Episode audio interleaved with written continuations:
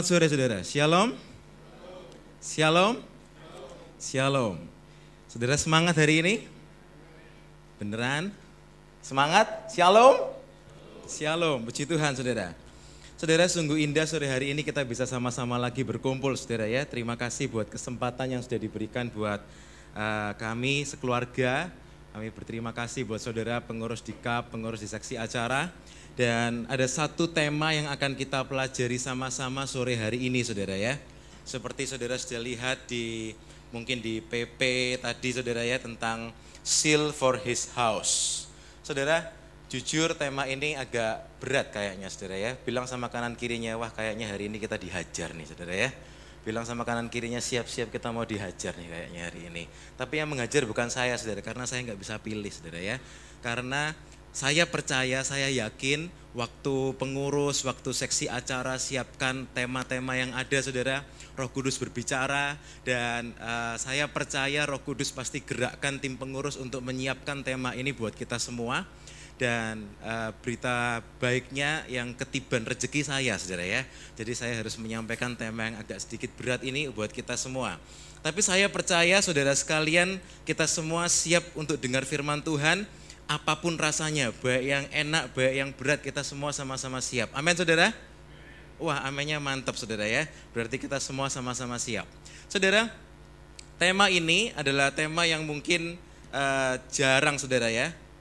Mungkin saudara beberapa kata-kata zil itu jarang terdengar saudara ya. Kalau bahasa Indonesia-nya itu cinta akan rumah Tuhan. Tapi ternyata dalam bahasa Inggris dikatakan bukan sekedar cinta, tapi adalah satu yang lebih lebih menohok begitu saudara ya, memakai kata-kata zil atau cinta yang berapi-api. Saudara, saya beritahu saudara lebih dulu arahnya ke mana khotbah hari ini supaya saudara bisa siap-siap kalau mau dihajar itu tahu duluan gitu saudara ya, dihajarnya di bagian yang mana. Nah saudara, apa yang akan kita pelajari sama-sama sore hari ini adalah tentang saudara dan saya, bukan hanya saudara tapi juga saya, kita semua harus sama-sama siap untuk kita mau cinta akan rumahnya Tuhan. Amin saudara. Apakah ada cinta di sini saudara? Amin. Apakah di sini ada cinta? Cinta, di mana cinta? Cinta akan rumah Tuhan saudara. Karena Tuhan itu mencari apakah kita mencintai rumahnya Tuhan. Nah saudara, bulan ini saya dapat surat tugas kan saudara dikasih tahu bahwa bulan ini saudara belajar tentang experiencing God, menikmati, mengalami Allah dalam pelayanan dan dalam gereja. Betul begitu ya? Dan saudara, minggu yang lalu saudara sudah belajar tentang apa itu bedanya relation dan religion. Dan saya tidak akan bicara tentang itu saudara, tapi hanya akan melanjutkan. Hari ini kita akan belajar tentang kita itu seharusnya bisa sama-sama merasakan sesuatu. Merasakan hadiratnya Tuhan waktu kita datang ke gereja. Amin saudara saudara itu seharusnya bisa dengan satu perasaannya betul-betul rindu sekali dan saudara akan mendapatkan sesuatu dari Tuhan. Tapi kenyataannya saudara, kadang-kadang kita tidak bisa merasakan apa yang seharusnya kita dapat saudara ya. Kadang-kadang mungkin, mungkin saudara-saudara datang ke gereja dan saudara merasa bosan. Ya bicara ini lagi, ini lagi. Ya nyanyi lagi, nyanyi lagi. Ya firman lagi, firman lagi. Dan saudara mungkin merasa rasanya boring begitu dan yang lain-lainnya. Tapi mari saudara, kita mau sama-sama buka hati kita, kita mau sama-sama siapkan hati kita, kita mau sama-sama lihat apa yang sebetulnya bisa kita rasakan saudara. Nah, saya akan mengawali renungan tuh firman Tuhan sore hari ini saudara ya. Dengan satu ayat terlebih dahulu, setelah itu kita akan lihat satu klip video saudara ya. Slide berikutnya. Mari kita buka Alkitab kita sama-sama saudara ya. Ayat ini diambil dari Yohanes Fatsal yang kedua ayat 13 sampai ayat yang ke-17. Yang ditampilkan di layar hanyalah ayat yang ke-17, tapi saya mau ajak saudara untuk membaca Yohanes 2 ayat 13 sampai ayat yang ke-17. Kalau saudara sudah ketemu, kita sama-sama bilang amin saudara. Amin, puji Tuhan sudah ketemu saudara ya. Kita baca sama-sama 13, 14, 15, 16, 17 saudara ya. Saya baca lebih dulu yang ayat 13, saudara baca ayat 14 dan demikian bergantian.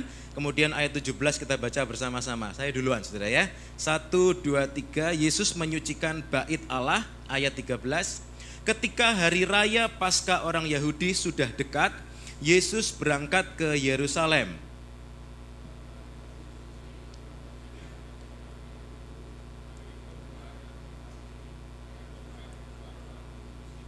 15 ia membuat cambuk dari tali lalu mengusir mereka semua dari bait suci dengan semua kambing domba dan lembu mereka. Uang penukar-penukar dihamburkannya ke tanah dan meja-meja mereka dibalikkannya.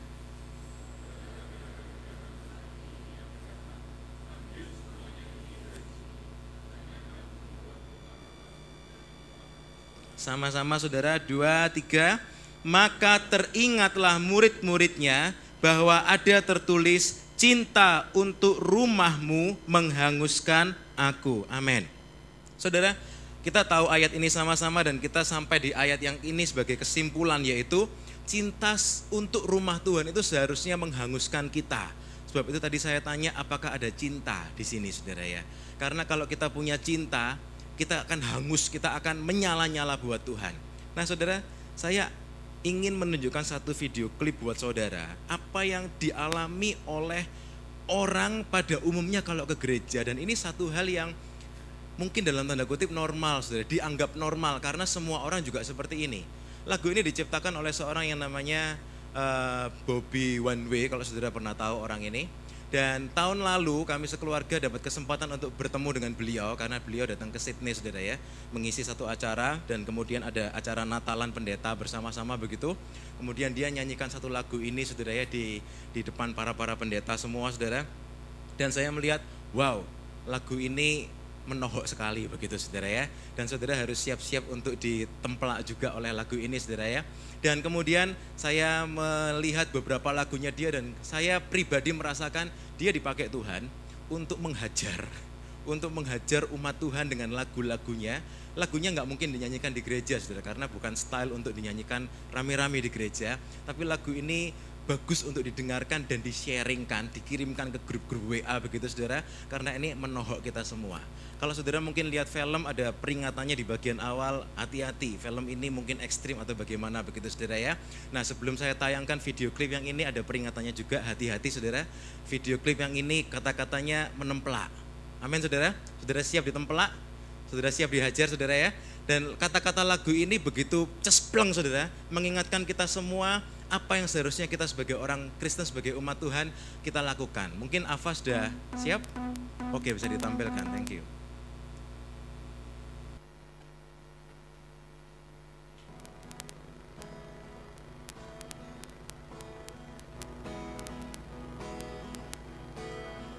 Bosan gila di gereja Suasana kurang oke rasanya. Untung saya masih coba-coba.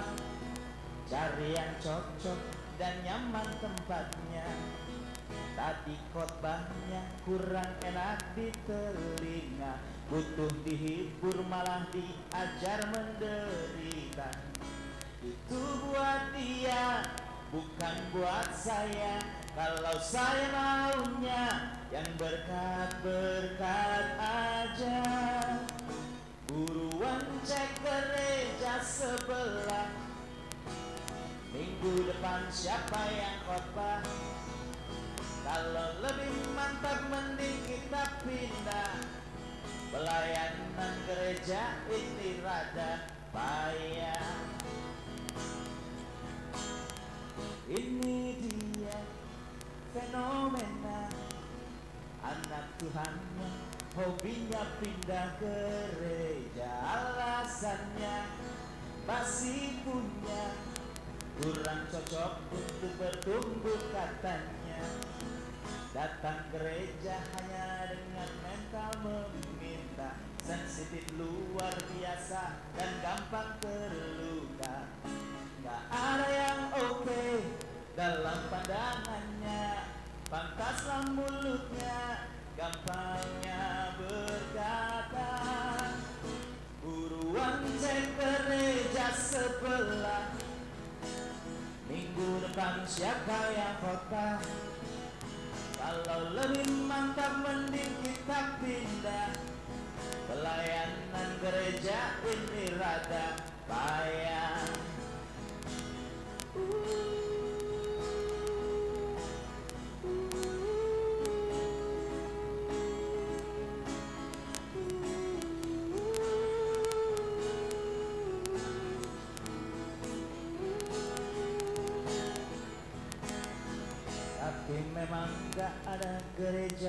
sempurna. Sini dan sana pasti banyaklah kurangnya Masalah bukan gereja Masalahnya anda yang hobi pindah gereja. Kampungan namanya Berhenti cek gereja sebelah. Apalagi tanya-tanya siapa yang kota Mending tertanam daripada pindah. Kalau setia semuanya jadi indah. Berhenti cek gereja sebelah. Apalagi tanya-tanya siapa yang kota Mending tertanam daripada pindah. Kalau setia semuanya jadi indah Tak usah cek gereja sebelah Oke, mantap saudara ya. Nggak usah cek gereja sebelah saudara ya. Saudara yang penasaran lagu ini judulnya Cek Gereja Sebelah saudara. Dan ini sangat eh, mengena sekali. Berhenti cek gereja sebelah. Apalagi tanya-tanya siapa yang khotbah. Mending tertanam daripada pindah. Kalau setia semuanya jadi indah. Nah saudara, masalah ini adalah satu fenomena saudara ya. Fenomena bukan hanya di Surabaya, bukan hanya di kotanya beliau di Jakarta, bukan hanya di Indonesia, tapi di mana-mana fenomenanya selalu sama, saudara.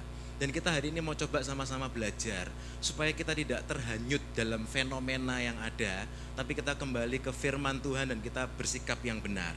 Nah, saudara, kita akan sama-sama lihat lebih dulu slide berikutnya.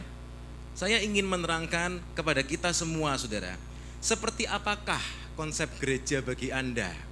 Karena ketika seseorang itu konsep gerejanya itu salah, saudara, dia tidak akan bisa merasakan sesuatu yang sebetulnya Tuhan mau kasih buat dia. Karena konsepnya salah. Tapi sebaliknya ketika saudara punya konsep yang benar, ketika saudara akan maka ketika saudara punya konsep yang benar, maka saudara akan punya satu sikap yang betul, saudara punya satu sikap yang kuat, sehingga saudara akan tertanam dengan kuat saudara. Karena saudara punya yang namanya cinta itu, seal itu saudara ya, seal cinta itu. Nah, saya akan memulai dengan konsep-konsep yang umumnya orang miliki saat mereka datang ke gereja atau bagaimana orang itu menganggap gereja, saudara. Ini yang pertama, saudara ya. Saya pilih icon ini untuk menunjukkan kadang-kadang orang datang ke gereja itu untuk uh, konsepnya konsep holiday atau konsepnya adalah konsep untuk mencari sesuatu yang menyenangkan. Saudara mungkin tidak pernah menyangka ada sebuah survei. Survei ini dilakukan di Amerika di kota Los Angeles. Ditanya kepada jemaat-jemaat yang sudah bergereja. Ditanya begini saudara, apa yang menyebabkan kamu suka datang ke gereja itu? Kira-kira saudara berharap jawabannya seperti apa? Di survei itu kemudian keluar jawabannya adalah jawabannya begini saudara ya. Kita cari gereja yang toiletnya bersih. Saudara bisa bayangkan? Jadi sebetulnya ke gereja maunya apa? Bukan cari Tuhan, tapi cari sama-sama mungkin spend dua jam di gereja, ya kita cari yang paling nyaman begitu saudara ya. Cari yang paling nyaman, cari yang gereja yang view-nya begitu bagus. Mungkin cari gereja yang begitu datang di depan lobbynya ada infinity waterfall begitu saudara ya. Waduh, jadi masuk ke gereja itu bagus sekali. Jadi orang yang punya konsep seperti ini, dia akan berusaha untuk memburu, bukan memburu namanya Tuhan, tapi memburu apa saudara? Memburu fasilitas, memburu fasilitas. Bahkan saudara di kota-kota yang betul-betul wow seperti Los Angeles begitu saudara, gereja itu sayangnya mereka bersaing-saingan untuk menciptakan fasilitas yang luar biasa. Lapangan parkir dibuat begitu indah. Lapangan parkir disediakan free shuttle bus dari lapangan parkir menuju ke pintu gerbang gereja. Wah gereja itu ada free shuttle-nya, kita nggak perlu capek-capek jalan. Gereja yang itu, waduh parkirnya jalannya sempit, nanti spionnya kesenggol sana sini, aduh ditinggal aja. Cari gereja yang lapangan parkirnya, wow begitu. Saudara, ini konsep yang kadang-kadang dimiliki oleh orang. Tapi saya harap dan kami berharap yang kayaknya yang seperti ini nggak ada di sini. Amin saudara? Nggak ada di sini bahwa orang ke gereja yang diburu bukan Tuhan, tapi yang diburu adalah fasilitas ini yang pertama, saudara. Jadi orang itu cari ke gereja untuk menikmati fasilitasnya, berlibur atau men men mencari apa yang enak saja begitu, saudara ya. Sama seperti saudara kalau pergi berlibur, kemudian saudara akan omong-omong sana sini, waduh gimana liburanmu ke kota ini atau ke kota itu, bagaimana perjalanannya, bagaimana flightnya, oh ya bagus dan yang lainnya, oh lain kali nggak usah flight ini, lain kali nggak usah ke hotel yang ini, nggak enak kita cari aja hotel yang lebih bagus. Itu oke okay kalau saudara mau ke holiday. Boleh-boleh saja saudara. Saudara mau holiday, saudara cari dengan uang yang sama, fasilitas yang paling baik. Itu betul. Tapi saat saudara ke gereja, mindset yang seperti ini tidak boleh dibawa, saudara ya. Yang kedua, saudara. Konsep yang kedua adalah kadang-kadang orang ke gereja itu seperti orang ke sinema. Atau datang untuk nonton, saudara. Datang untuk nonton. Artinya apa? Saya cuma mau datang, duduk, diam, dengar, dan kemudian pulang.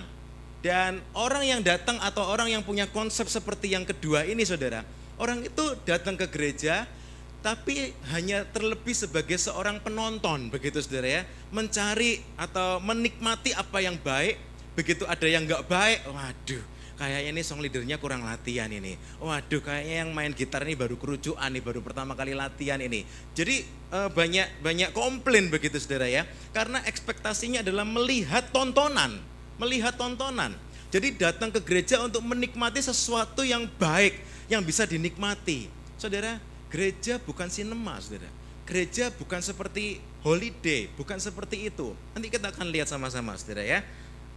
Contoh yang ketiga, konsep yang keliru yang ketiga. Saya pilih icon ini untuk menunjukkan tentang gereja shopping, saudara. Apa maksudnya gereja shopping?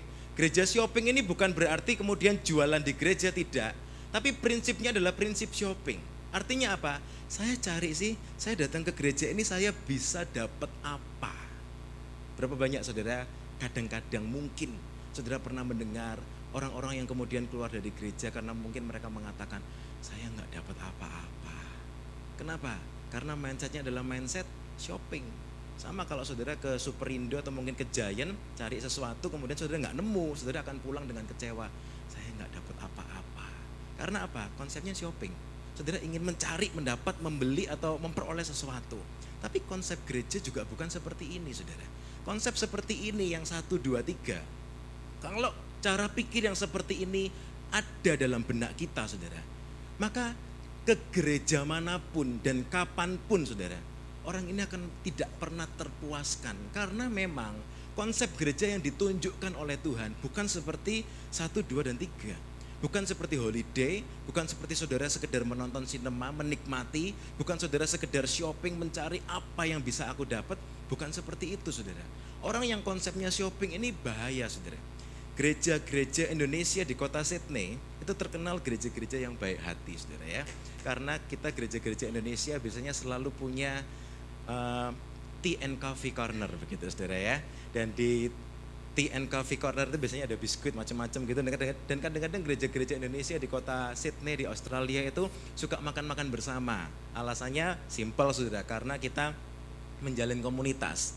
Tapi setelah lebih kurang kami sekeluarga enam tahun ada di kota sana, saudara. Kami menyadari bahwa ternyata ada orang-orang yang informasinya itu nggak tahu gimana dia bisa dapat itu begitu komplit, saudara ya. Jadi dia bisa tahu minggu ini jadwal makan-makan di gereja mana gitu, saudara ya. Nah saudara sudah ketawa duluan, saudara ngerti gitu ya. Saudara ngerti minggu berikutnya yang jadwal ada makan-makanan di gereja mana, di mana ada hadirat catering. Di situ saya ada, saudara. Nah, Herannya saya cuma heran bagaimana orang ini bisa tahu. Suatu saat gereja kami merayakan Natalan dan seperti biasa kita ada catering, kita undang catering, kita makan bersama.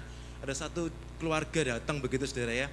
Dan kemudian kita pengurus sama-sama deketi dan tanya-tanya, e, tahu dari mana, dapat informasi dari siapa. Oh ya pokoknya tahu dan yang lain-lain begitu saudara ya. Kemudian satu orang bilang, nggak usah ditanya eh Gideon orang ini unik. Di mana ada catering ini? Dia bisa datang oh hebat sekali gitu ya.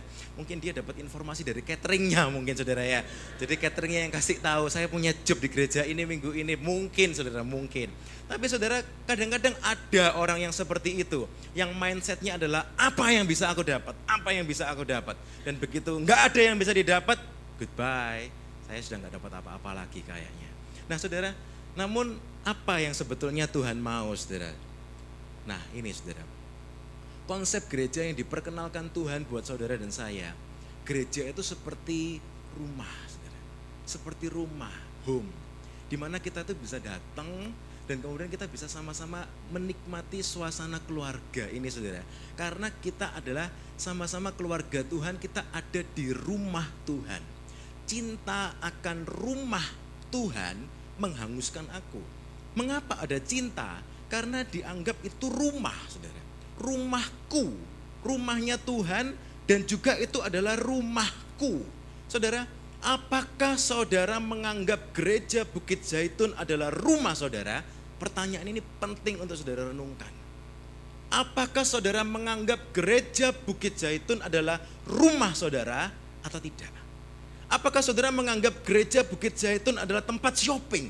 Shopping rohani. Apakah saudara ada yang menganggap gereja Bukit Zaitun adalah seperti salah satu tempat untuk menghibur diri saudara? Di mana saudara sudah capek kerja Senin sampai Jumat, Senin sampai Sabtu dan kemudian saudara mencari kepuasan eh, rohani, kepuasan jiwa buat saudara dan saudara datang kemari. Saudara, apakah saudara menganggap gereja Bukit Zaitun seperti itu? Atau saudara menganggap ini seperti rumah saudara? Pertanyaan ini sangat penting saudara. Dan saudara harus renungkan, iya ya, saya anggap ini rumah atau enggak. Karena begitu saudara menganggap gereja lokal saudara adalah rumah saudara, maka nggak perlu repot-repot diajari setia, nggak perlu repot-repot diajari minggu depan datang lagi ya, nggak perlu repot-repot diajari ini ada acara ini acara itu, ayo ikut yuk. Saudara, ketika saudara menganggap itu rumah saudara, saudara akan dengan senang hati, dengan sukacita, saudara akan berusaha untuk membangun supaya rumah saudara menjadi rumah yang baik, saudara. Apa pun modelnya rumah itu. Saya kasih contoh satu hal, saudara ya. Kami waktu saya belum menikah, kami tinggal di satu rumah bersama dengan orang tua kami di Wisma Tropodo, saudara ya. Tahun-tahun itu, Wisma Tropodo itu terkenal dengan banjir, saudara. Banjir kami masih ingat saudara-saudara bisa tanya adik saya juga di situ. Kadang-kadang kami bangun pagi, semalam hujan begitu lebat, kita bangun pagi turun kaki sudah ceplek, ceplek, ceplek, basah semua saudara ya, basah. Kadang-kadang satu mata kaki. Dan kadang-kadang kami berangkat sekolah, berangkat kuliah itu harus pakai uh, celak, pakai sandal saudara ya. Karena apa? Banjir. Tropodo itu waktu itu tahun-tahun itu terkenal begitu banjir. Pergi berangkat kuliah, cepat sampai di kampus, ganti lagi saudara, ganti sepatu kadang-kadang pulang aras-arasan juga saudara ya aduh banjir nih terpodo tapi mau ke mana lagi? Gitu kan saudara ya. Mau ke mana lagi? Ya mau nggak mau ya pulang ke rumah saudara ya. Pulang ke rumah saudara. Apakah kita sebagai anak-anak yang tinggal dalam rumah orang tua kita kemudian memutuskan untuk pergi dari rumah itu? Tentu tidak saudara. Kita sama-sama usahakan yang terbaik. Saya masih ingat satu hari saudara ya. Ketika sudah begitu banjir saudara dan kemudian mobil kalau lewat di depan rumah itu kan mobilnya lewat gitu saudara. Orang lewat airnya kayak ombak gitu saudara. ombaknya masuk ke, ke dalam rumah. Kita masih ingat saudara dengan papa saya kita sama-sama cepat-cepat cepat-cepat ambil anduk ambil anduk. Kita buat benteng saudara buat benteng saudara. Supaya apa? Supaya bawahnya pintu tuh nggak kemasukan air kita buat benteng. Kemudian kalau airnya sudah masuk kita pakai ciket kita buangin kita buangin. Saudara itu namanya rumah. Kita sama-sama berjuang sama-sama berjuang kita masih ingat kita bantu papa kita saudara ya waktu itu. Wah ini lemari kalau ini musim hujan kena banjir terus seperti ini bisa kayunya bisa lapuk begitu. Kalau gitu kayu lemari ini perlu diangkat, dikasih ke, dikasih paving bawahnya untuk menyelamatkan sementara. Kita angkat sama-sama lemarinya, masukkan paving kurang tinggi, kasih paving lagi jadi lucu saudara ya. Lemari bajunya nangkring di atasnya paving saudara. Karena apa? Mungkin saudara yang rumahnya pernah kebanjiran, saudara ngerti maksudnya saudara ya. Saudara, tapi itulah yang namanya rumah. Meskipun rumahnya mungkin reyot, saudara, agak reyot sedikit, agak rusak sedikit. Tapi ketika saudara mengerti bahwa ini rumahku, ini rumahku, bersama-sama dengan semua anggota keluarga yang ada di rumah, kita sama-sama pertahankan rumah ini. Amin saudara. Karena apa? Ini rumahku. Ini rumahku. Saudara, Tuhan itu selalu memperkenalkan konsep gereja dengan ini rumahmu. Ini rumahmu.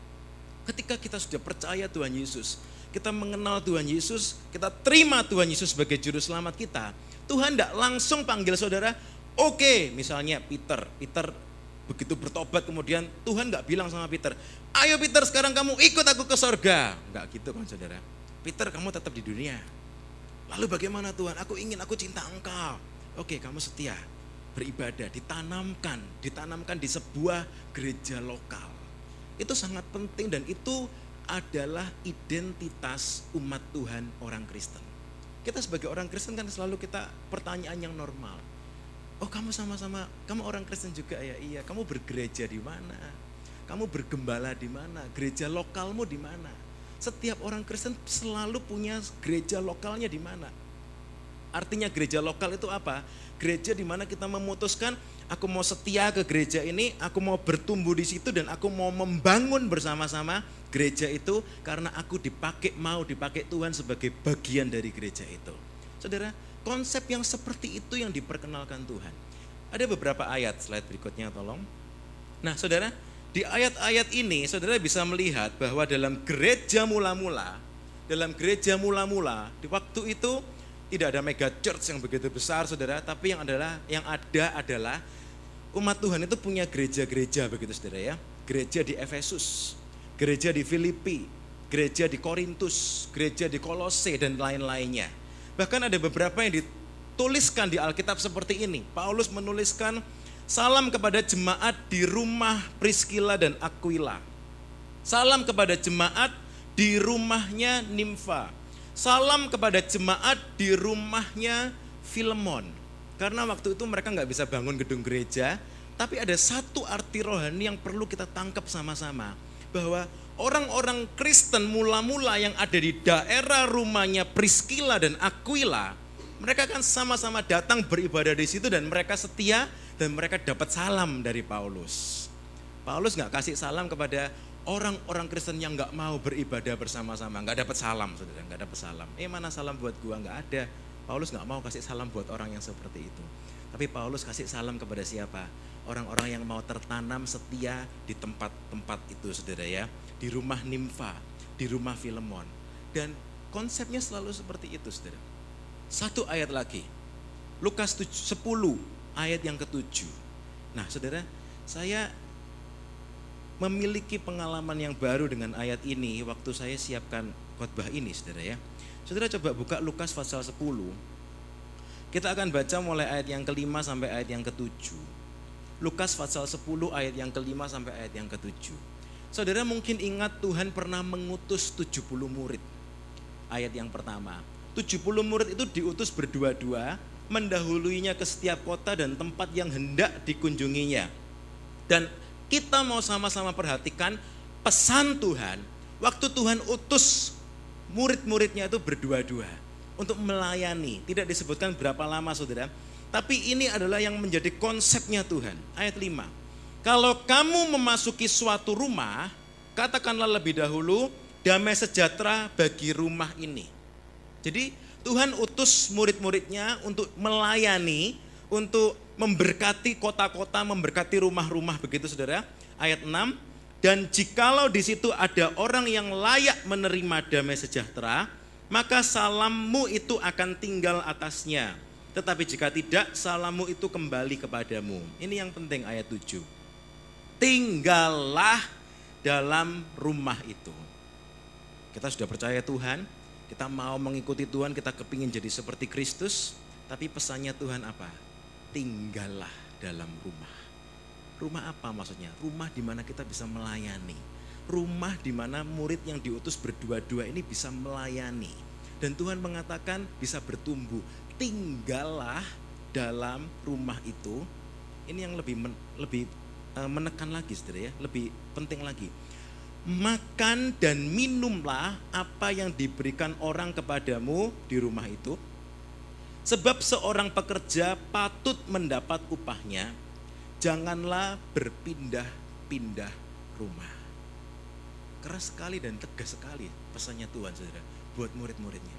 Kamu kalau melayani, kamu kalau mau bertumbuh, masuk ke satu rumah, mulai melayani di situ. Jangan pindah-pindah rumah. Setia di situ. Setia di situ, makan, minum, apa yang disediakan di rumah itu.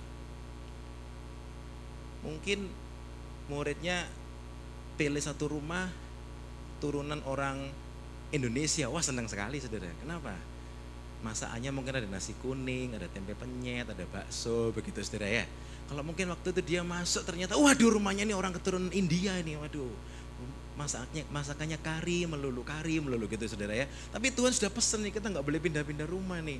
Kita sudah masuk di rumah ini dan kita mesti setia di sini. Dan saudara ayat ini berbicara begitu gamblang buat kita semua. Sebagai umat Tuhan yang kita itu siap untuk diutus. Kita siap untuk bertumbuh. Tuhan bilang masuklah ke satu rumah, pilih masuk satu rumah, dan kemudian bertumbuhlah di sana, makan apa yang disediakan di situ, minum apa yang diberikan kepadamu, dan jangan pindah-pindah rumah. Layani buat mujizat di situ, bertumbuh di situ, sampai waktunya habis, engkau kembali kepadaku. Tapi itu selalu pesannya Tuhan. Saudara, orang Kristen, umat Tuhan, itu harus jadi seperti Kristus. Dan kita belajar sama-sama untuk kita menjadi orang-orang yang setia. Kita punya gairah untuk rumah Tuhan. Kita punya satu kecintaan, kerinduan untuk rumah Tuhan. Karena apa? Itu jadi rumah kita. Saudara, mengapa Daud bisa berkata, lebih baik satu hari di pelataranmu daripada seribu hari di tempat lain. Karena Daud punya satu kerinduan, ini rumahku, ini rumahku, aku rindu, aku cinta, aku mau tinggal di sini. Bahkan Daud mengatakan, aku mau bangun rumah ini. Ada satu kerinduan dari hatinya Daud. Saudara bisa bayangkan Daud, dia sudah punya istana mungkin begitu baik, tempat tinggal yang begitu baik. Tapi dia berkata, kemah suci, eh, tabut perjanjian, tabut Allah ini tinggal di dalam tenda. Sedangkan aku tinggal di rumah yang bagus. Aku ingin, aku ingin membangun rumah yang baik untuk hadirat Tuhan. Aku rindu supaya orang-orang itu bisa merasakan hadirat Tuhan juga. Aku mau bangun. Dan Daud kemudian mencurahkan segenap kekuatannya, seisi hatinya, dia bangun rumah itu dengan segala kerinduannya. Dan dia mengatakan, lebih baik aku satu hari di pelatarannya Tuhan daripada seribu hari di tempat lain. Karena apa? Dia punya satu sikap, ini rumahku, ini rumahku. Rumahku bukan hanya sekedar di istana, tapi saat aku ke gereja, saat aku ke hadapan Tuhan, itu juga rumahku. Nah saudara, kalau ini kita kemudian tarik dalam kehidupan kita, kita sebagai umat Tuhan, kita mesti belajar untuk menyadari dan mengerti bahwa, oke okay, Tuhan, aku sekarang mengerti sesuatu bahwa ke gereja itu berarti kita harus anggap seperti rumah. Seperti rumah. Ada begitu banyak gereja di dunia ini, ada begitu banyak denominasi di dunia ini, ada begitu banyak gereja di kota Surabaya dan saya percaya, saya yakin saudara waktu dulu pertama kali datang ke gereja ini mungkin saudara diajak teman, mungkin saudara uh, tahu dari acara-acara yang ada di gereja ini dan yang lain-lainnya atau mungkin saudara pertamanya dipaksa orang tua dan kemudian saudara datang, kita harus ambil keputusan saudara. Coba saya ingin tanya, apa mungkin ada yang hari ini baru pertama kali datang di kebaktian kap saudara? Gak ada? Oke, berarti semua saudara sudah senior-senior nih. Nah, saudara, apa mungkin ada saudara yang baru dua tahun ada di cup ini? Eh, nggak ada juga saudara ya. Berarti semua sudah lebih dari berapa tahun saudara? Nah, mungkin saudara sudah begitu tertanam dengan baik. Puji Tuhan saudara. Nah, saudara, kadang-kadang orang itu mencari-cari gereja lokalnya, dan kemudian setelah saudara menetapkan keputusan saudara, saya mau di sini, saya mau di Bukit Zaitun, Saudara mungkin sudah doakan itu dan saudara sudah merasa saya mau tertanam di sini. Dan saudara harus punya satu sikap, oke okay, Tuhan, aku mau tertanam di sini, aku mau tumbuh dan aku mau menjadi bagian dari rumah ini. Aku mau bangun sama-sama, apa pun, apa pun modelnya rumah ini pada awalnya, saya mau bersama-sama bekerja dengan Tuhan untuk membangun rumah ini dengan sebaik-baiknya. Saudara, slide berikutnya. Ketika saudara mempunyai konsep bahwa gereja itu adalah rumah saudara, maka saudara akan punya yang namanya sense of ownership. Artinya adalah rasa turut memiliki. Sehingga saudara bisa punya cinta akan rumah Tuhan. Mengapa? Karena saudara merasa memiliki. Saudara merasa turut memiliki gereja Bukit Zaitun. Jadi gereja Bukit Zaitun ini punyanya siapa? Bukan punyanya Om Yusuf dengan keluarga besarnya, bukan. Tapi gereja Bukit Zaitun ini adalah milik kita bersama. Apakah saudara punya sense of ownership itu? Ayat tentang sense of ownership ini saudara, ini saudara bisa lihat di dalam Matius 25, kita nggak baca ayat-ayatnya, tentang perumpamaan talenta. Tentang perumpamaan talenta. Orang yang punya rasa kepemilikan ini, seperti orang yang menerima lima talenta dan dua talenta. Dia terima talenta itu dan kemudian dia kerjakan. Ketika dia sudah kerjakan, dia akan dengan senang hati, dengan rela hati dia bilang, Tuhan, lima talenta yang Tuhan berikan kepada saya sudah jadi lima talenta lagi jadi totalnya 10 talenta. Ini Tuhan, ini punyamu. Yang dua talenta pun juga melakukan yang sama. Dan kemudian datanglah hamba yang ketiga yang terima satu talenta. Dia bilang, Tuhan aku tahu orang ini Tuhan yang kejam. Mungkin Tuhannya bilang, apa? Kamu bilang aku kejam, maksudmu apa? Iya kan? Kalau kita bekerja selesai kan kita harus kembalikan kepada Tuhan. Kan berarti Tuhan kejam. Saudara mengerti kira-kira maksudnya? Jadi hamba ini namanya hamba tapi dia tidak punya mau dia tidak mau memiliki hati sebagai hamba yang mengerjakan untuk tuannya. Dia merasa, buat apa saya repot-repot? Buat apa saya repot-repot? Dia mengatakan, Tuhan, kalau aku repot-repot kerjakan ini nanti toh engkau yang menikmati juga, aku nggak akan terima apa-apa. Jadi aku simpen aja ini. Satu talenta ini aku simpen dalam-dalam, engkau kembali aku berikan kepada engkau. Beres, aman. Aku toh juga nggak menghilangkan yang satu talenta itu. Tapi Tuhan bilang apa? Engkau hamba yang jahat dan malas. Saudara, ketika kita punya sense of ownership ini saudara, maka kita akan turut sama-sama membangun sama-sama. Saudara, orang yang menganggap gereja lokalnya sebagai rumah, dia punya satu cinta, punya satu kerinduan. Dia akan bisa menikmati betapa baiknya Tuhan. Dia akan bisa menikmati karyanya Tuhan karena dia mau habis-habisan untuk Tuhan, saudara. Dia nggak lagi hitung-hitungan. Dia nggak lagi, aku mau pelayanan, supaya dilihat orang. Atau mungkin aku mau pelayanan supaya suatu saat aku bisa duduk di depan waktu pertama mungkin aku bisa duduk di depan di jajaran pembesar-pembesar itu. Saudara gak akan perlu repot-repot seperti itu.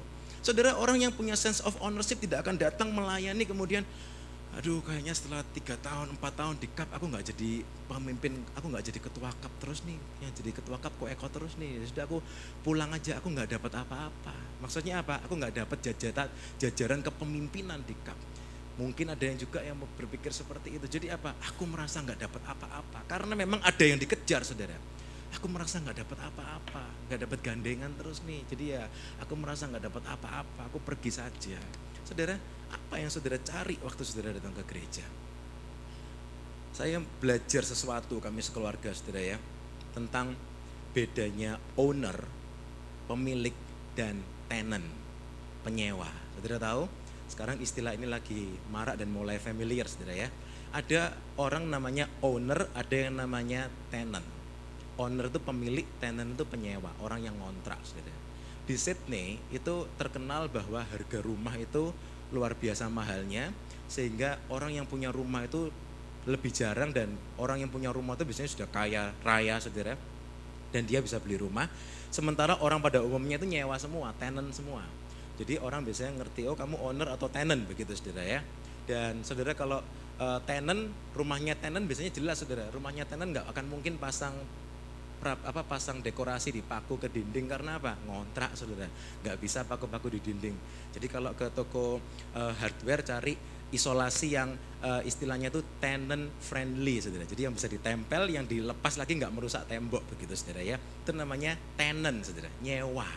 Nah sebagai seorang penyewa tenant apa yang biasanya dilakukan yang biasanya dilakukan sebagai seorang tenant itu nggak terlalu merawat rumah bisa dimengerti saudara buat apa aku repot-repot urusin rumahku? Aku tenant. Mungkin dua tahun lagi aku sudah tinggalin rumah ini. Buat apa? Aku pelihara rumah ini.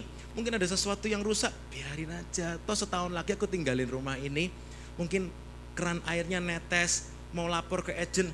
Buat apa lapor ke agent? Buat apa? Biarin rusak sana, rusak sini, biarkan saja. Kan aku tenant. Saudara bisa mengerti? Itu sikap hati seorang tenant, seorang tenant. Dan kami sekeluarga juga adalah seorang tenant, saudara. Tapi kami belajar sesuatu. Iya ya, kita ini tenant. Saya sering ngomong-ngomong sama istri saya, tapi kita nggak boleh punya sikap hati seorang tenant. Kita harus punya sikap hati seorang owner. Loh kan bukan rumahmu, nggak apa-apa. Dengan iman dimiliki kan lama-lama nanti bisa jadi miliknya juga, saudara ya. Dengan iman, saudara. Nah, tapi maksudnya apa? Meskipun kita tenant, kita pelihara ini baik-baik. Kita pelihara ini baik-baik, rumah ini. Jadi setiap tahun kalau agentnya datang, diinspek lagi saudara dan dia kadang-kadang mengatakan thank you very much ya kamu sudah take care rumah ini begitu bersih it's okay dan karena kita juga punya anak kecil kita mau pelihara semuanya baik supaya semuanya bersih suatu saat saudara anak saya yang nomor satu itu kepingin pak kita kepingin aku kepingin punya garden. Ini kita ini tenant di unit di rumah susun begitu saudara. Kita nggak bisa punya garden. Tapi Jamie kepingin punya garden kepingin bisa siram-siram kayak emak itu di Surabaya bisa siram-siram begitu ya. Wah iya ya emak tanahnya gede gitu saudara ya. Nah mau siram-siram di sini gimana gitu saudara ya? Kemudian suatu saat ada seorang tetangga yang owner kemudian pas lagi sore-sore gitu omong-omong dan kemudian dia berkata oh kamu punya anak iya anakku kepingin gardening kemudian dia bilang oh di depan balkonmu di kami tinggal di unit yang lantai dasar di depan balkonmu itu kan ada tanah kosong. Buat garden di situ nggak apa-apa. Serius bener bener nggak apa-apa oh nggak apa-apa jadi. Nggak apa-apa itu kan tanah common area. Kalau kamu buat garden it's okay. Itu semua orang akan senang. Tapi kalau kamu buat tanah di depan balkonmu itu untuk simpen barang orang-orang marah karena pemandangannya nggak bagus. Jadi buat garden boleh ya? Boleh. Sah ya? Sah karena dia adalah seorang uh, strata body corporate yang ngatur lingkungan itu. Oke, tapi kita tenant. Dan buat garden di sana nggak murah saudara. Tapi anak saya bilang, ayo dong pak, kita kepingin punya garden. Oke lah, kita ke toko, kita buat garden, saya cangkuli saudara, saya cangkuli. Suatu saat saat saya kerjakan itu saudara ada seorang lewat agak jauh dan kemudian dia dia bilang, hey how are you? Good job, good job. Dia bilang gitu saudara orang boleh. Wah, dia orang lain nggak kenal kita saudara ya. Dan kemudian dia ya, dan kemudian dia tanya sesuatu. Apakah kamu owner yang baru? Saat saya tanya seperti, dek, waduh apakah ini nubuatan begitu saudara ya. Apakah kamu owner yang baru? Kemudian saya bilang, oh enggak, saya yang ngontrak di sini sejak enam tahun yang lalu. Oh saya kira kamu owner yang baru. Mengapa? Karena dia pikir biasanya kalau tenant nggak akan mungkin repot-repot membagusin area sekitar rumahnya. Saudara bisa menangkap maksudnya? Oh ya puji Tuhan, satu nubuatan, satu nubuatan saudara ya. Ada nenek-nenek tua lagi lewat saudara. Wah Gideon, good job. Keluargamu memang open sekali dengan rumah ini. Wah, semoga kamu bisa beli rumah. Waduh saudara ya, nubuatan yang kedua saudara ya. Nubuatan yang kedua. Tapi kami semua belajar sama-sama. Memang cari hati ownership di dalam seorang tenant itu tidak gampang. Saudara. Dan kita bagaimana saudara? Apakah kita datang ke gereja ini saudara sebagai tenant atau saudara owner? Ayo. Saudara sekarang hari ini datang ke gereja, saudara mau punya sikap hati sebagai tenant atau sebagai owner? Sebagai tenant saudara nggak akan repot-repot.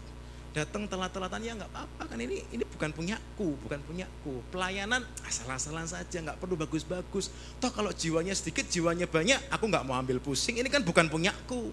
Kalau misalnya orang merasa boring dengan kebaktian karena mungkin pelayanannya kurang maksimal it's okay itu kan bukan punyaku. Aku nggak mau repot-repot mikirin. Tapi kalau saudara punya sikap hati seorang owner apa ya apa ya yang bisa aku kerjakan untuk membagusin gereja ini? Apa yang bisa aku kerjakan untuk meningkatkan kualitasnya kap dengan segala keterbatasan yang ada? Mungkin apa ya yang bisa aku kerjakan? Karena saudara seorang owner saudara akan punya cinta akan rumah Tuhan. Dan itu akan menghanguskan saudara. Saudara akan pikirkan yang terbaik. Apa ya yang bisa aku kerjakan? Karena saudara seorang owner.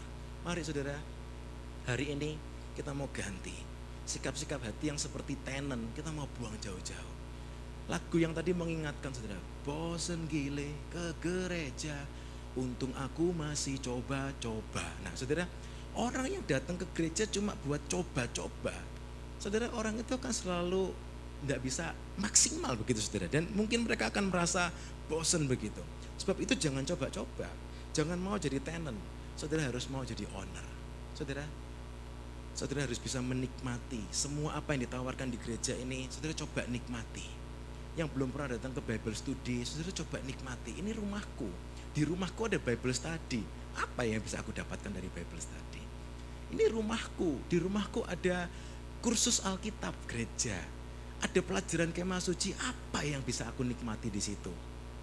Saudara nggak akan punya perasaan repot-repot. Aduh, buat apa repot-repot ikut pelajaran ini itu? Saudara, waktu saya SMA, itu saya pertama kali punya pengalaman ketemu dengan Tuhan, saudara.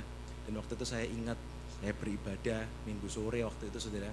Dan kemudian ada satu gairah yang begitu mendalam. Saya bersama dengan orang tua saya waktu itu datang ke gereja sini, saudara. Dan kemudian saya dengar Om Yusuf khotbah. Gile, nggak ngerti semua, saudara ya tiga setengah tahun pertama, apakah itu? Kerajaan seribu tahun, aduh apalagi itu? Antikris pendahulu, waduh berat banget, nggak ngerti semua. Tapi saya masih ingat satu dorongan roh kudus yang me, menempelak saya. Kamu nggak ngerti? Iya, saya nggak ngerti. Apa yang bisa kamu lakukan? Iya ya, apa yang bisa saya lakukan ya? Datang lagi, datang lagi saudara. Tetap nggak ngerti. Om Yusuf ini ngomong apa sih? Ngomong apa sih? Sirul Asyar. Apakah Sirul Asyar itu saudara? Al-Katib, siapakah Al-Katib itu saudara? Dan seterusnya, Nudub Yeremia. Emang Yeremia punya Nudub? Apakah Nudub itu saudara? Bahasanya sulit dicerna saudara. Dan itu membuat saya untuk justru semakin orang ini ngomong, saya nggak ngerti, tapi kok saya merasakan sesuatu begitu saudara ya. Saya harus mengerti, saya harus mengerti. Saya tanya papa mama saya, waktu itu papa mama saya juga nggak bisa terlalu memberi jawaban. Aku kepingin ngerti pak, aku kepingin ngerti ma, apa yang bisa aku lakukan. Ada Bible study, kamu kalau mau berangkat. Saya berangkat. Tetap nggak ngerti saudara, tetap nggak ngerti. Terus berdoa sampai suatu saat pengumuman sekolah Alkitab Elisa kembali menerima pendaftaran pada tanggal sekian-sekian. Dan kemudian orang tua saya mengingatkan, kita berdoa sama-sama. Iya, kayaknya karena saya rindu untuk mengerti ini menjadi rumah yang baru buat saya. Saya mau ambil itu. Dan kemudian saya oleh anugerah Tuhan masuk sekolah Alkitab, saya mengucap syukur, oh ternyata Bapak Gembala itu masak itu begitu enak saudara. Tapi kadang-kadang kita tidak mengerti cara mencicipinya, cara memakannya. Begitu mengerti, oh ternyata enak. Bisa mengerti dengan demikian jelas, oh ternyata Bapak rohaniku ini jago masak. Jago masak food kuliner terbaik di gereja ini. Waduh, begitu saudara ya. Jago masak, masak segala macam di sini ada saudara. Dan kemudian membuat waktu itu saya pribadi merasa, oh ya, saya mau, saya mau menjadi bagian. Dan saya rindu untuk mengerti lebih banyak lagi. Ada satu gairah yang akan Tuhan kerjakan ketika saudara menyiapkan hati, membuka hati untuk, oke okay, Tuhan ini rumahku, ini rumahku. Apa yang bisa aku kerjakan buat rumahku? Slide berikutnya. Ketika saudara punya konsep bahwa gereja itu sebagai rumah saudara, maka saudara akan punya konsep bahwa gereja itu bukan sekedar tempat untuk receive atau menerima, tapi saudara ini sebagai tempat untuk memberi dan juga saudara bisa menerima sesuatu. Tapi lebih penting saudara memberi, terlebih berkat memberi daripada menerima. Satu ayat dalam 1 Korintus 14 ayat 26. Di ayat itu, kalau saudara baca ayat-ayat sebelumnya, di sana ditulis apabila engkau datang kepada perkumpulan-perkumpulan jemaah, datang beribadah, datang ke persekutuan sel, datang ke apa pun persekutuan jemaah yang ada, apa pesannya Paulus saudara? Hendaklah tiap-tiap orang meminta sesuatu. Betul saudara? Bukan saudara. Hendaklah tiap-tiap orang apa? Mempersembahkan sesuatu. Ini konsepnya gereja. Jadi saudara kalau ada orang yang datang ke gereja, aduh kok nggak terima apa-apa ya hari ini ya. Saudara jangan bilang, wah kamu kanak-kanak. Jangan bilang gitu saudara ya. Saudara ajarin, ah kita ke gereja ini kita rindu untuk mempersembahkan sesuatu. Saudara buka ayatnya, 1 Korintus 14 ayat 26. Mempersembahkan sesuatu itu bukan berarti uang saudara, bukan. Mempersembahkan sesuatu itu saudara datang dan saudara rindu untuk membagikan sesuatu. Mungkin membagikan pengalaman saudara, membagikan sharing saudara, membagikan telinga saudara, membagikan kehadiran saudara buat orang-orang yang lain. Saudara, itu sangat penting, itu sangat penting.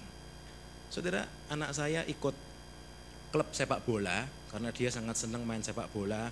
Dia minta, oke okay, tahun ini kamu ikut klub sepak bola. Dan kita daftarkan, kita ketemu dengan pelatihnya dan lain-lain, kita dapat satu brosur dan satu nasihat, usahakan setiap kali training harus datang. Dan dia berkata sesuatu yang menempelak saya, kehadiranmu sebagai satu tim sepak bola itu akan membawa dampak besar buat tim teman-temanmu yang lainnya. Hanya kehadiranmu saja itu sangat penting. Dan kemudian saat dia bilang begitu, saya mendengar dan saya merenungkan. Kalau kehadiran salah seorang tim pemain sepak bola itu begitu penting. Apalagi kehadiran saudara. Kita ini satu tim. Amin saudara. Amin. Kita ini satu tim. Saudara di persekutuan sel itu saudara satu tim. Kehadiran kita saja kita sebagai anggota di persekutuan sel itu kita hadir, itu penting sekali saudara, penting sekali. Jadi saudara rindu untuk mempersembahkan sesuatu, mempersembahkan apa? Mempersembahkan hidup saudara.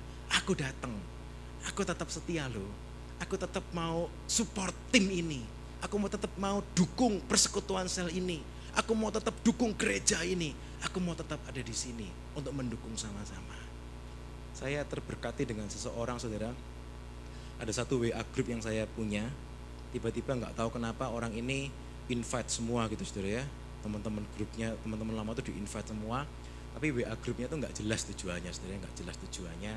Dan suka kirim perenungan suka kirim itu suka kirim itu. Lama-lama yang lainnya bosan semua saudara. Lama-lama bosan semua left group left group left group left group oh, ya, grupnya pertama sekian banyak langsung left left left left left left semua tinggal sedikit Kemudian ada satu orang mengatakan, ini semua kok pada live sih? Kemudian dia bilang, apa pun yang terjadi, aku tetap ada di grup ini. Untuk apa? Supaya merespek yang sudah kadung create grup ini, meskipun nggak sengaja atau meskipun salah. Kemudian saya baca itu sama istri saya ketawa-ketawa. Luar biasa ya orang ini ya, dia bilang, apa pun yang terjadi, aku nggak akan left grup. saya percaya pasti yang pasti yang create grup itu pasti mengucap syukur. Oh, akhirnya ada satu orang yang setia.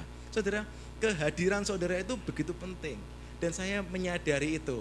Saudara kalau buka WA saya, semua grup yang pernah orang invite saya, kalau nggak di kick out saya tetap ada di situ saudara. Karena apa? Diarsip kan bisa saudara ya. Supaya apa? Kalau di left kadang-kadang orang yang merasa aduh kok kamu left gitu mungkin saudara ya tapi saya pribadi punya sikap oke okay, nggak apa-apa saya juga nggak ada ruginya tetap ada di WA group yang itu yang yang mau saya bagikan adalah saudara sebagai rumah kita, kita mau saling menerima dan memberi. Coba apa yang saudara bisa beri kepada gereja ini. Saudara jangan hanya tanya apa yang bisa gereja ini beri buat saya. Coba saudara pikirkan apa yang bisa saudara beri buat gereja ini.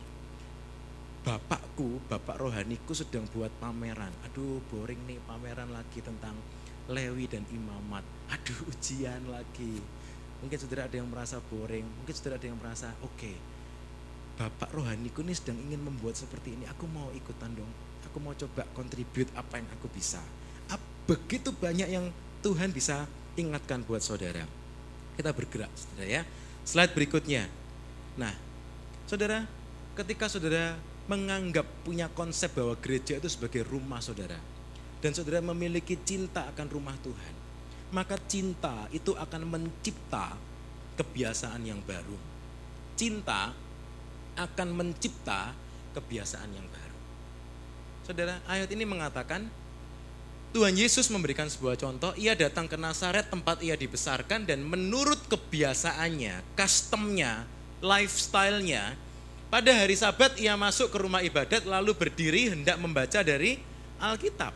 Apa artinya custom atau kebiasaan itu? Kebiasaan itu akan menjadi sesuatu yang jadi bagian hidup saudara. Jadi saudara nggak akan repot-repot bergumul atau mengatur repot-repot mengatur waktu karena itu sudah menjadi bagian hidup saudara. Pergi beribadah ke gereja, ke minggu pagi, minggu sore, Bible study ataupun ke cup, saudara, itu sudah menjadi kebiasaan kita. Kebiasaan kita. Sehingga dengan mudah kita akan bisa mengatakan, sampai ketemu ya di cup uh, minggu depan ya. Ya semoga ketemu ya, semoga ketemu minggu depan ya. Dan memang kenapa? Aduh aku nggak tahu nih minggu depan kayaknya mungkin repot, mungkin ada acara ini itu. Saudara, ketika orang yang punya cinta, orang itu bisa mengatakan, oke okay, siap, ketemu ya minggu depan, iya. Pokoknya seperti Bapak Gembala mengatakan, pokoknya kalau nggak semaput saya pasti akan di cup gitu saudara ya. Kalau semaput ya lain cerita, kalau nggak semaput saya pasti akan ke cup. Karena apa? Itu kebiasaan saya. Itu kebiasaan saya. Dan itu kebiasaan saudara perlu untuk tanamkan. saudara perlu tanamkan. Cinta akan mencipta kebiasaan yang baru. Yang berikutnya saudara. Cinta akan rumah Tuhan, cinta itu berkuasa untuk mengalahkan rasa bosan. Ini ayat paling romantis saudara ya. Bekerjalah Yakub tujuh tahun lamanya untuk mendapat Rahel itu. Tetapi yang tujuh tahun itu dianggapnya apa? Seperti beberapa hari saja. Gile, saudara ya. Kerja tujuh tahun dianggap cuma seperti beberapa hari saja. Karena apa? Karena apa saudara? Cinta. Cinta saudara. Ketika saudara punya cinta, tidak ada kata bosan. Karena saudara punya cinta. Ketika saudara punya cinta, meskipun Om Yusuf berulang kali mengatakan 7 KPR, 7 KPR, 7 KPR, 7 KPR, besok lagi 7 KPR lagi ini Om Yusuf kok ngomongnya 7 KPR melulu sih? Mungkin Tuhan mau bicara sesuatu. Saudara akan merasa meskipun Om Yusuf 7 tahun ngomong 7 KPR. Seperti beberapa menit saja. It's okay Om, teruskan Om, teruskan Om, teruskan. Saya siap Om, saya siap. Khotbah terus Om sampai malam Om, saya siap. Karena apa? Saya cinta gereja ini. Saudara, cinta akan mengalahkan rasa bosan. Pertanyaannya adalah, apakah saudara punya cinta? Apakah saudara punya cinta? Ketika saudara kehilangan cinta, nggak usah ngomong saudara. Kadang-kadang orang yang sudah nggak punya cinta, denger denger suaranya dia udah bosen. Denger suaranya dia udah, aduh, kayaknya males banget nih, males banget. Karena apa? Nggak ada rasa cinta. Coba saudara punya rasa cinta, saudara akan betul-betul punya gairah. Coba dulu saudara yang masih PDKT, mungkin cowoknya atau ceweknya datang, saudara begitu mungkin mobilnya di alarm langsung tahu wah dia datang yes dia datang nih langsung cepet-cepet keluar dibukain. Kalau sudah nggak ada rasa cinta bukain dong. Aduh datang lagi datang lagi. Ayo dong bukain dong. Aduh cepet-cepet sembunyi mungkin. Kenapa? Sudah nggak ada rasa cinta kenapa sih nggak dibuka-bukain aku kekancingan di kamar mandi bohong gitu saudara karena apa nggak ada rasa cinta saudara nggak ada rasa cinta sehingga apa? Semuanya jadi bosan. Nah saudara, kesimpulannya adalah miliki rasa cinta. Amin saudara. Ketika saudara punya cinta, cinta itu akan mengalahkan segalanya. Saudara punya cinta, saudara akan terbakar untuk rumahnya Tuhan. Saudara akan selalu mau datang dan saudara akan mau selalu setia dan saudara punya satu sense untuk menghormati, merespek apa yang sudah disiapkan oleh gembalamu. Saudara, sistem pengembalaan di gereja ini Om Yusuf mengembalakan ada banyak bawahan-bawahannya yang membantu saudara. Misalnya di KAP ada Koeko dan yang di persekutuan sel ada yang lain mungkin saudara ada bagian-bagian seperti itu. Ketika kita punya cinta, kita akan tetap tinggal bersama-sama. Kita akan punya gairah itu. Kita punya kerinduan karena apa? Ini rumahku. Ini rumahku. Aku mau buat sesuatu yang baik untuk rumah ini. Saudara, yang namanya rumah itu unik saudara Mungkin ini rumahku, bayangkan seperti rumah saudara. Mungkin ada rumah yang punya kolam renang, saudara. Mungkin rumahmu nggak ada kolam renangnya, tapi kita akan mengatakan, it's okay pak, it's okay mah. Meskipun teman-temanku di rumahnya punya kolam renang, ini tetap rumahku. Aku tetap akan pulang ke sini. Meskipun mungkin rumah yang lain bisa masak masakan yang enak-enak, mungkin rumah kita masakannya sederhana. Ini rumahku. Dan saudara akan betul-betul mengerti konsep rumah ini ketika saudara mungkin sudah mulai berumah tangga, saudara akan mengerti, iya ya, membangun rumah tangga ini tidak gampang, membangun rumah ini tidak gampang. Yang menjadi kerinduan saudara adalah anak-anak saudara akan menghargai, merespekin apa yang sudah disiapkan. Beberapa saudara mungkin bisa tanya kepada mama-mama saudara. Mungkin kalau mama saudara sudah repot-repot masak, mungkin anaknya mengatakan, aduh ma aku nggak suka makanan ini, aku mau jajan yang lain aja. Mungkin mama saudara akan mengatakan, ya sudah. Tapi setelah kita jadi orang tua, kita akan bisa merasakan sudah repot-repot dimasain, nggak mau dimakan. Saudara, orang tua itu jasanya begitu besar buat kita, saudara. Bapak Gembala sebagai Bapak Rohani itu jasanya begitu besar. Pertama kali saudara datang mungkin ke gereja ini, saudara mengerti tentang Tuhan, saudara bisa mengerti begitu banyak tentang firman Tuhan, saudara bisa bertumbuh. Ada jasa yang begitu besar dari Bapak Rohani kita, yang harus saudara hargai dan tidak boleh saudara remehkan. Saudara, Bapak rohani mungkin ada kekurangannya, mungkin ada keterbatasannya. Mungkin stylenya ya seperti itu, saudara. Mungkin sebagai bapak jasmani kita, kita punya bapak jasmani, bapak jasmani kita mungkin nggak seperti bapaknya orang lain, saudara. Tapi kita punya satu komitmen, iya pak, ini rumahku pak. Aku akan tetap kembali pulang ke sini, aku akan tetap mengusahakan yang terbaik, aku akan menghargai, aku akan memakan, meminum apa yang sudah disediakan di situ, dan aku akan menghargai itu baik-baik. Suatu saat saudara, sebagai penutup, mungkin pemain musik bisa bantu maju ke depan. Anak saya saudara mulai sekolah saudara ya. Dan kemudian anak saya ini minta uh, seperti teman-teman yang lainnya. Pak, aku kepingin lunch order. Lunch order itu maksudnya beli makanan di kantin. Tapi karena masih kelas 1 SD nggak boleh bawa uang, jadi orang tuanya yang harus lunch order. Kita sebagai orang tua suka tanya, kamu kepingin lunch order apa sih? Kepingin nugget, nugget, chicken nugget itu saudara ya. Kita buka price listnya harganya, lihat bisa pesan online begitu saudara ya. Oke nggak apa-apa. Kemudian kita tanya, gimana kamu suka nuggetnya? Suka, enak. Dapat berapa sih nuggetnya? 6 biji. 6 biji itu 4 dolar. Kalau beli di supermarket 4 dolar itu dapat 25 biji. Ini cuma dapat 6 biji. Oke lah sekali-sekali enggak apa-apa gitu saudara ya. Kemudian uh, besoknya lagi, kok pengen balance order lagi. Oke kepingin nugget, papa beli nugget. Dengan harga yang sama bisa dapat banyak, kamu bisa bawa 15 kalau kamu mau ke sekolah. Oke kita gorengin saudara ya. Kemudian anak saya mengatakan, tetap enak yang di sekolah. Saya langsung, ya. Kemudian istri saya mengingatkan, sudahlah enggak apa-apa lah, mungkin yang di sekolah kan enggak melempem. Kita kan goreng kan pagi baru dimakan siang melempem, kalau di sekolah kan baru digoreng. Iya, tapi kan saya sudah berusaha memberi nugget yang terbaik buat anak saya, begitu saudara ya. Dan kemudian saya mengerti, iya, kadang-kadang tapi itu masalah kecil saudara. Saya juga belajar mengerti ya nggak apa-apa. Memang dia kepingin makan nugget yang sama dengan teman-temannya yang masih crunchy begitu saudara ya. Tapi saya jadi belajar sesuatu. Iya. Kalau bapak jasmani kita sudah menyiapkan sesuatu jasanya sudah begitu besar dan saudara dengan sederhana saudara tolak begitu saja enggak aku bosan nggak suka. Aku mau ke tempat yang lain tuh lebih enak tuh masaknya. Saudara jangan lupakan apa yang sudah dikerjakan bapak rohanimu di tempat ini apa pun keterbatasan yang ada, apa pun kekurangan yang ada, saudara ingat ini rumah saudara. Amin saudara.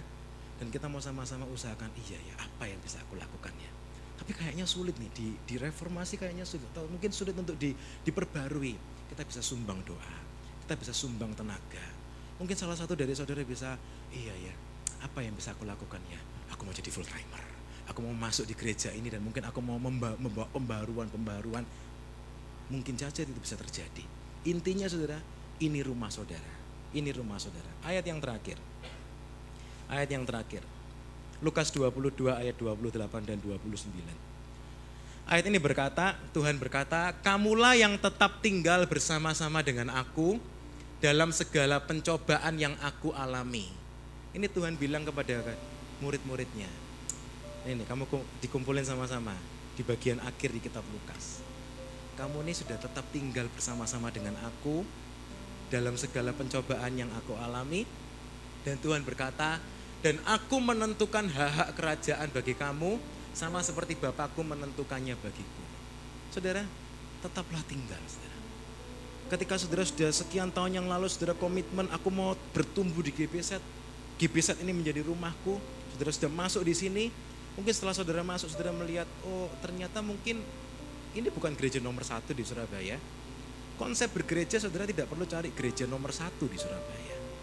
Konsep ke gereja bukan, bukan berarti saudara harus cari gereja nomor satu di Indonesia. Enggak saudara.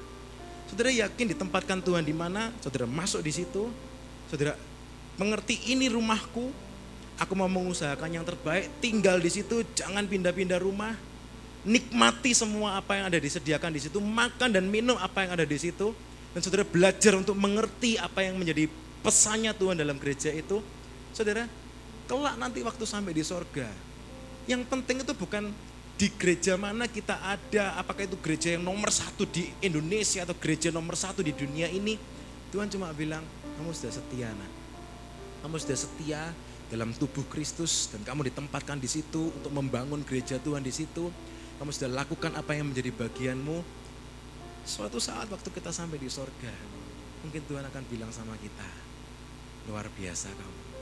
Kamu dengan satu beban ditempatkan di gereja Bukit Zaitun, dan sampai akhir kamu tetap setia.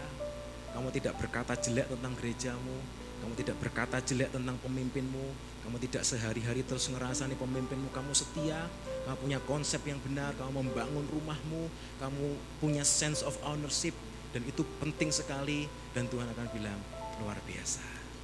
Kamu setia anak dan kesetiaanmu terbukti.